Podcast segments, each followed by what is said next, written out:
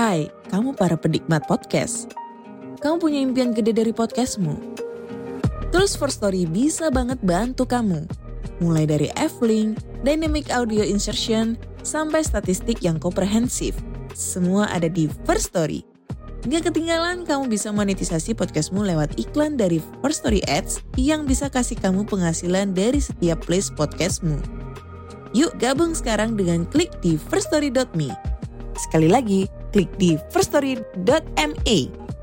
Mari kita bawa mimpi podcastingmu menjadi kenyataan.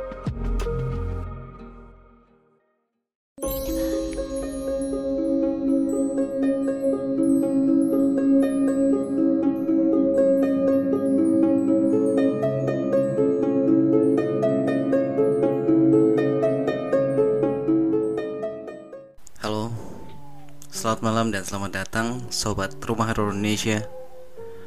Kembali lagi ketemu dengan Denny Di Rumah Horor Indonesia Untuk membacakan cerita horor buat kalian Untuk menghibur kalian di malam hari ini.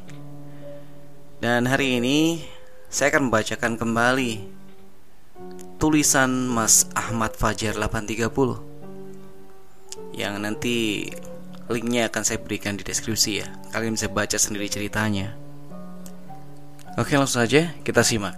Ini ceritanya.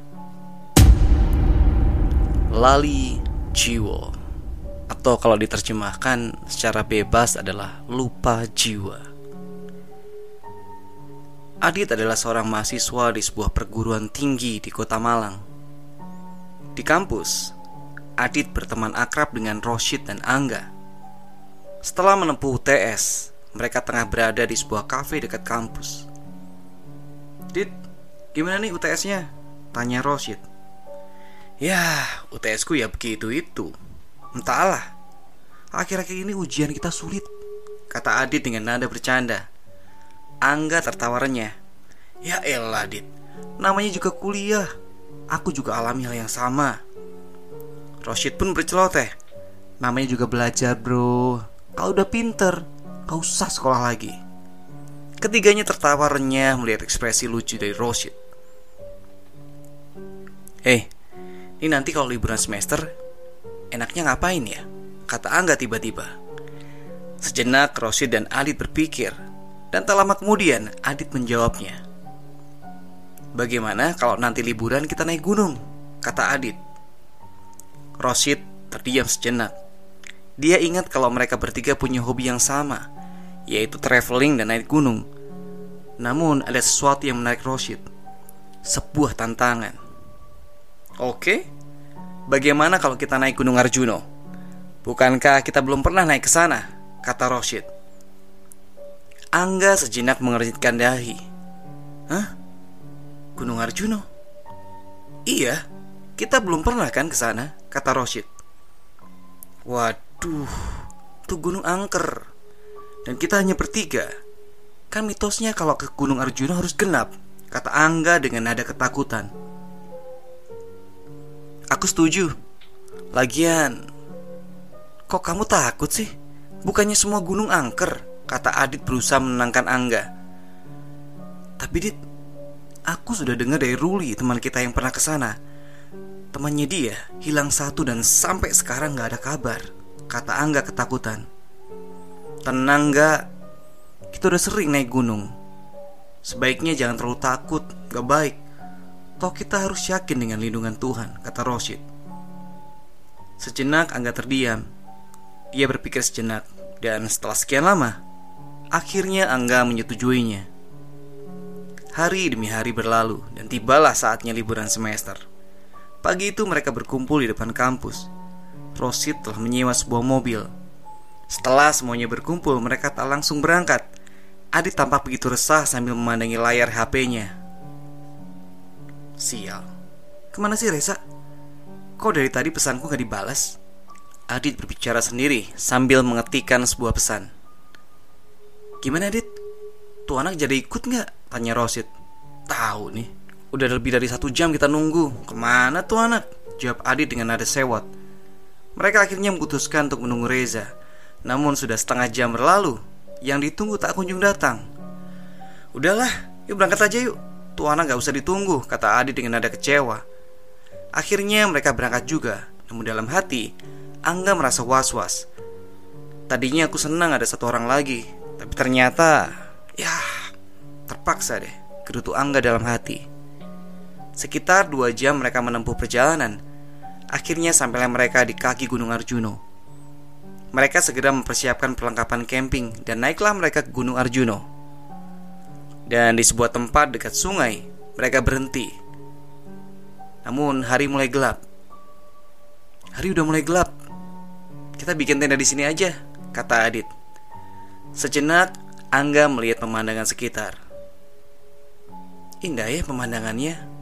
Udah, ayo buat tenda dulu. Nanti deh kita nikmati pemandangannya, kata Rosid.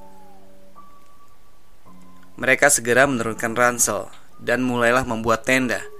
Tak lupa mereka berbagi tugas untuk menyiapkan perlengkapan memasak. Kebetulan Angga diberi tugas mencari kayu bakar.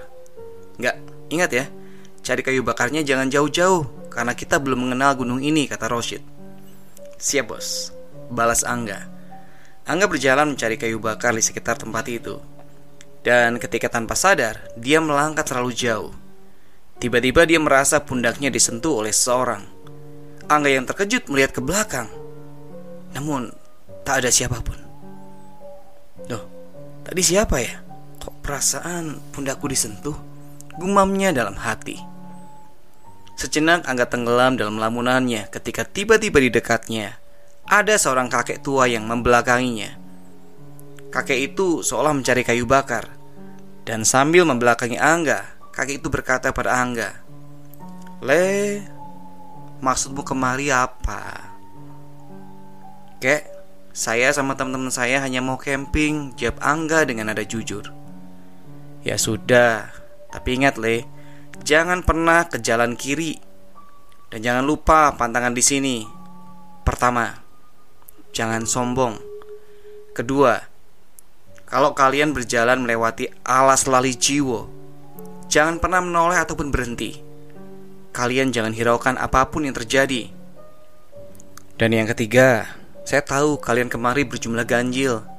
Sebaiknya banyak-banyak berdoa. Ingat itu, Le, kata kakek tua yang membelakanginya. Angga menjawabnya. Baik, kek. Angga tersadar ketika pundaknya kembali ditepuk oleh temannya. Gak, kok jauh banget sih cari kayu bakarnya? Kata Adit dengan nada resah. Angga yang tersadar kembali memandang ke depan dan ternyata di depannya tidak ada siapa-siapa. Dia pandangi Adit yang ternyata datang bersama Roshid. Oh, oke oke. Yuk kita balik aja, ajak Angga sambil menutupi kejadian yang menimpanya. Mereka pun kembali ke lokasi camping dan menyiapkan kayu bakar. Namun tak lama kemudian, ada seorang pendaki yang berhenti di tempat mereka. Dia beristirahat dengan nafas ngos-ngosan. Mas, kamu kenapa? Tanya Angga. Aku tersesat. Aku cari temanku tapi mereka udah di depan Kata pendaki itu. Ya sudah mas. Di sini aja dulu. Kebetulan kita mau makan malam Kata Roshid. Pendaki itu akhirnya menyetujuinya. Dia memperkenalkan dirinya. Aku Freddy dari Jakarta Katanya memperkenalkan dirinya. Mereka bertiga akhirnya memperkenalkan diri Dan mereka pun tampak akrab Hari semakin gelap dan kabut tipis pun turun. Udara dingin menusuk. Api unggun yang mereka buat tak mampu mengusir rasa dingin itu. Namun akhirnya mereka pun terlelap. Angga yang terlelap tiba-tiba mendengar kegaduhan di luar tenda. Loh, kok di luar rame banget ya? Gumamnya dalam hati. Karena gelap, Angga menyalakan korek api lalu membuka tendanya. Dan dilihatnya lah sebuah pasar di dekat tendanya. Angga sempat terkejut dia menatap keheranan melihat pasar. Pasar itu aneh karena semuanya berpakaian kuno. Dia tiba-tiba memekik karena tangannya terkena korek api yang dinyalakan. Seketika itu juga Angga tersadar. Dilihatnya kembali malam gelap tak ada pasar yang tadi ia lihat. Astagfirullah. Kata Angga yang menjadi takut. Rupanya udara dingin yang menusuk membuat Angga mengantuk dan akhirnya terlelap. Keesokan paginya mereka melanjutkan penjelajahannya. Mereka menyusuri hutan dan akhirnya sampailah di sebuah tempat yang disebut Kampung Lali Jiwo. Sejenak, Angga merasa di belakangnya ada orang lain. Sambil berbisik pada Freddy, dia mengutarakan ketakutannya. Fred, kamu dengar gak sih? Ada yang ngikutin kita? Bisik Angga. Freddy memandangi Angga sambil mengangguk. Iya, aku dengar. Sudah biarin aja, jangan dilihat, kata Freddy sambil berbisik. Mereka terus berjalan menyusuri tempat itu. Sementara itu, Adit dan Roshid yang berjalan di bagian depan pun tak luput dari godaan. Mereka sebenarnya juga merasa janggal di tempat itu. Shit, kok rasanya kita berjalan di sini lama banget ya? Kata Adit sambil berbisik. Ah, itu perasaanmu. Aku sudah ikuti petunjuk jejak. Dan kamu ingat kata Angga kemarin, balas Rosid dengan nada berbisik. Adit sejenak terdiam. Dia ingat apa yang diceritakan Angga. Terdengar ada suara yang memanggil Adit. Awalnya, Adit hendak menoleh, namun Rosid mencegahnya. Dia menepuk pundaknya. Dit, jangan menoleh, kata Rosid berbisik. Adit membatalkan niatnya dan terus berjalan. Di tengah jalan, Adit melihat seekor burung yang begitu indah. Karena tergoda, Adit hendak menangkapnya. Seketika itu juga, Adit terkejut mendapati dirinya di sebuah perkampungan. Loh, aku di mana? Gumamnya dalam hati. Adit melihat sekeliling dan ternyata dia sudah tak menemui teman-temannya. Dia tampak begitu kebingungan dan ketika itulah dia melihat seorang yang menghampirinya. Rupanya dia seorang pedagang. Mas, ada barang bagus. Mau nggak? Kata orang itu sambil menunjukkan dagangannya. Sejenak, Adit sempat terkejut. Dia lihat pedagang itu mengeluarkan tas ransel bermerek di dalam karung yang dia bawa. Rasa tertarik pun akhirnya membuat dirinya lupa kalau dia masuk ke dalam alam gaib. Melihat Adit yang diam saja, pedagang itu mengeluarkan sebuah kamera di LSR. Adit semakin tertarik, dia pun akhirnya tergoda. Ini harganya berapa? Tanyanya sambil memegangi kamera itu. Buat mas, cukup 150 ribu aja, kata pedagang itu. Adit terbelalak. Dia tak percaya dengan apa yang dia dengar. Serius? Ini hanya 150 ribu aja? Katanya dengan nada kaget. Bener mas, gimana? Kata pedagang itu meyakinkan. Adit mulai tergoda. Ketika dia hendak merogoh uang, datang lagi seorang pedagang yang menawarkan jaket. Jaket itu merek terkenal dan tampak bagus. Harganya pun sangat miring. Ketika Adit mulai tergoda, datang lagi seorang gadis cantik menghampirinya. Mas, hampir ke rumahku yuk, kata gadis itu. Adit akhirnya tergoda dengan kecantikan gadis itu. Dia pun langsung menyanggupinya. Oh, iya ya oke oke. Sebentar ya, aku mau beli sesuatu. Gimana mas? Kata salah satu pedagang.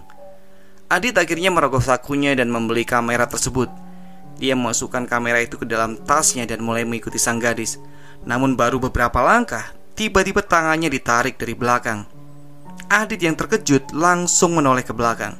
Didapatinya sosok orang tua yang melotot sambil menggelengkan kepalanya. Tanpa bicara, orang itu menutup mata Adit dengan telapak tangannya. Nak, sadar, kamu sudah tersesat, katanya dengan suara parau. Dalam hati Adit terkejut dan tak lama kemudian kakek itu menurunkan telapak tangannya. Adit kembali terkejut ketika dia mendapati dirinya di sebuah hutan dan dia hanya ditemani oleh seorang kakek. Loh, aku di mana? Katanya dengan nada terkejut. Nak, kamu masih di kampung Lali Jiwo, kata kakek itu. Lalu, ke mana teman-temanku?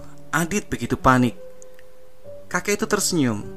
Nak, tadi kamu tergoda oleh burung yang indah di depan kamu kan? Terus kamu hendak menangkapnya kan? Dan kamu tahu, burung itu adalah petunjuk jalan. Tadi kamu melakukan kesalahan, yakni berniat hendak menangkap burung itu. Kamu sudah melanggar pantangan di sini, itulah sebabnya kamu tersesat. Adit terdiam mendengar perkataan kakek itu. Kakek itu kembali berbicara pada Adit. Nah, ingat, kalau kamu mau kembali, jalanlah lewat jalan itu. Jalan terus dan nanti kamu akan kembali, kata kakek tua itu sambil menunjuk ke sebuah lorong. Iya kek, nasihat kakek akan saya ingat. Terima kasih kek, kata Adit. Kakek itu hanya tersenyum. Adit pun langsung berjalan ke arah yang ditunjukkan kakek itu. Dia terus berjalan dan tak pernah menoleh ke belakang. Dan seketika itu juga dia sudah berada di dekat pos pantau. Tanpa berpikir panjang, Adit langsung menuju pos pantau. Di sana dia langsung menemui Yoga. Yoga ini adalah orang yang ada di pos pantau untuk meminta bantuan. Pak, saya tersesat. Bapak lihat teman-teman saya? Yoga memandangi Adit. Dia langsung bertanya, teman-temanmu siapa? Adit akhirnya menjelaskan siapa dirinya. Dia menceritakan awal kedatangannya di gunung tersebut hingga akhirnya terpisah dengan kawan-kawannya. Mendengar penjelasan itu, Yoga langsung mengingat kejadian bulan lalu. Dia sempat membuka sebuah catatan dan benar ada satu daftar nama pendaki hilang yang bernama Adit. Loh, kamu yang bulan lalu hilang itu? Syukurlah kamu bisa kembali. Kebanyakan pendaki yang hilang di sini tak diketemukan jasadnya. Hanya segelintir saja yang jasadnya ditemukan, kata Yoga sambil memberikan teh hangat pada Adit. Adit begitu kaget. Dia teringatkan orang asing yang bersamanya, yaitu Freddy. Adit menanyakan bagaimana dengan Freddy. Yoga akhirnya menjawab, Dit, Freddy itu senasib denganmu. Hanya bedanya, semua temannya hilang, hanya dia sendiri yang selamat. Adit terbelalak. Yoga menceritakan awal kejadiannya. Bulan lalu, tepatnya dua hari sebelum kedatangan kalian, ada sekitar empat orang dari Jakarta yang datang kemari. Namun mereka semua tampak angkuh. Dikala melintasi alas lali jiwo, mendadak Freddy terkejut melihat semua temannya yang ada di belakangnya menghilang. Lalu dia datang kemari dan tepat setelah kamu hilang, akhirnya satu dari ketiga orang itu ditemukan di tepi jurang. Dia sudah meninggal seperti diseruduk babi hutan. Adi terdiam sambil minum tehnya. Yoga melanjutkan ceritanya. Setelah agak lama datanglah dua orang lainnya. Yoga meminta kedua temannya mengantar Adit keluar dari komplek Gunung Arjuno dan mengantarnya ke terminal terdekat. Setelah sampai di sana, Adit diberi uang saku oleh orang itu. Dek, ingat ya, kamu langsung pulang ke rumahmu jangan lupa berdoa, kata orang itu. Iya pak, terima kasih sudah diantar, kata Adit. Adit langsung naik bus itu dan sesuai dengan arahan pengantarnya, Akhirnya Adit sampai juga di kosnya. Karena kelelahan, dia duduk sejenak di teras di depan kamar kosnya. Rian, teman kos sebelah yang melihatnya dengan keheranan. Dit, ke mana aja kamu sebulan ini? Ibu kos sudah nagih uang kos, kata Rian. Adit langsung membalasnya. Aku habis nyasar di Gunung Arjuno. Nyasar? Gimana ceritanya? Tanya Rian. Adit menceritakan pengalaman mistisnya di Gunung Arjuno. Dan ketika memegangi tasnya, dia teringat akan benda yang sempat dia beli. Dia keluarkan benda itu. Semua kamera DSLR baru. Rian, kamu tahu aku dapat ini kamera berapa? Rian menatap kamera itu sambil mengerjitkan dahi. Hmm, satu setengah juta? Adi tersenyum. Hanya 150 ribu. Sontak Rian terbelalak tak percaya. Adit akhirnya melanjutkan ceritanya. Dia ingat kengerian yang tak sengaja dia lihat ketika melintasi lorong gelap setelah tersesat di Gunung Arjuno. Sejak saat itulah, Adit, Rosid, dan Angga memutuskan untuk lebih fokus kuliah dan tak melakukan aktivitas memanjat gunung. Ya, jadi gitu Sobat RAI, cerita kita di malam hari ini. Semoga kita bisa mengambil hikmah dari yang sudah diceritakan. Semoga cerita tadi bisa menghibur. Sampai ketemu di cerita berikutnya. Denny pamit.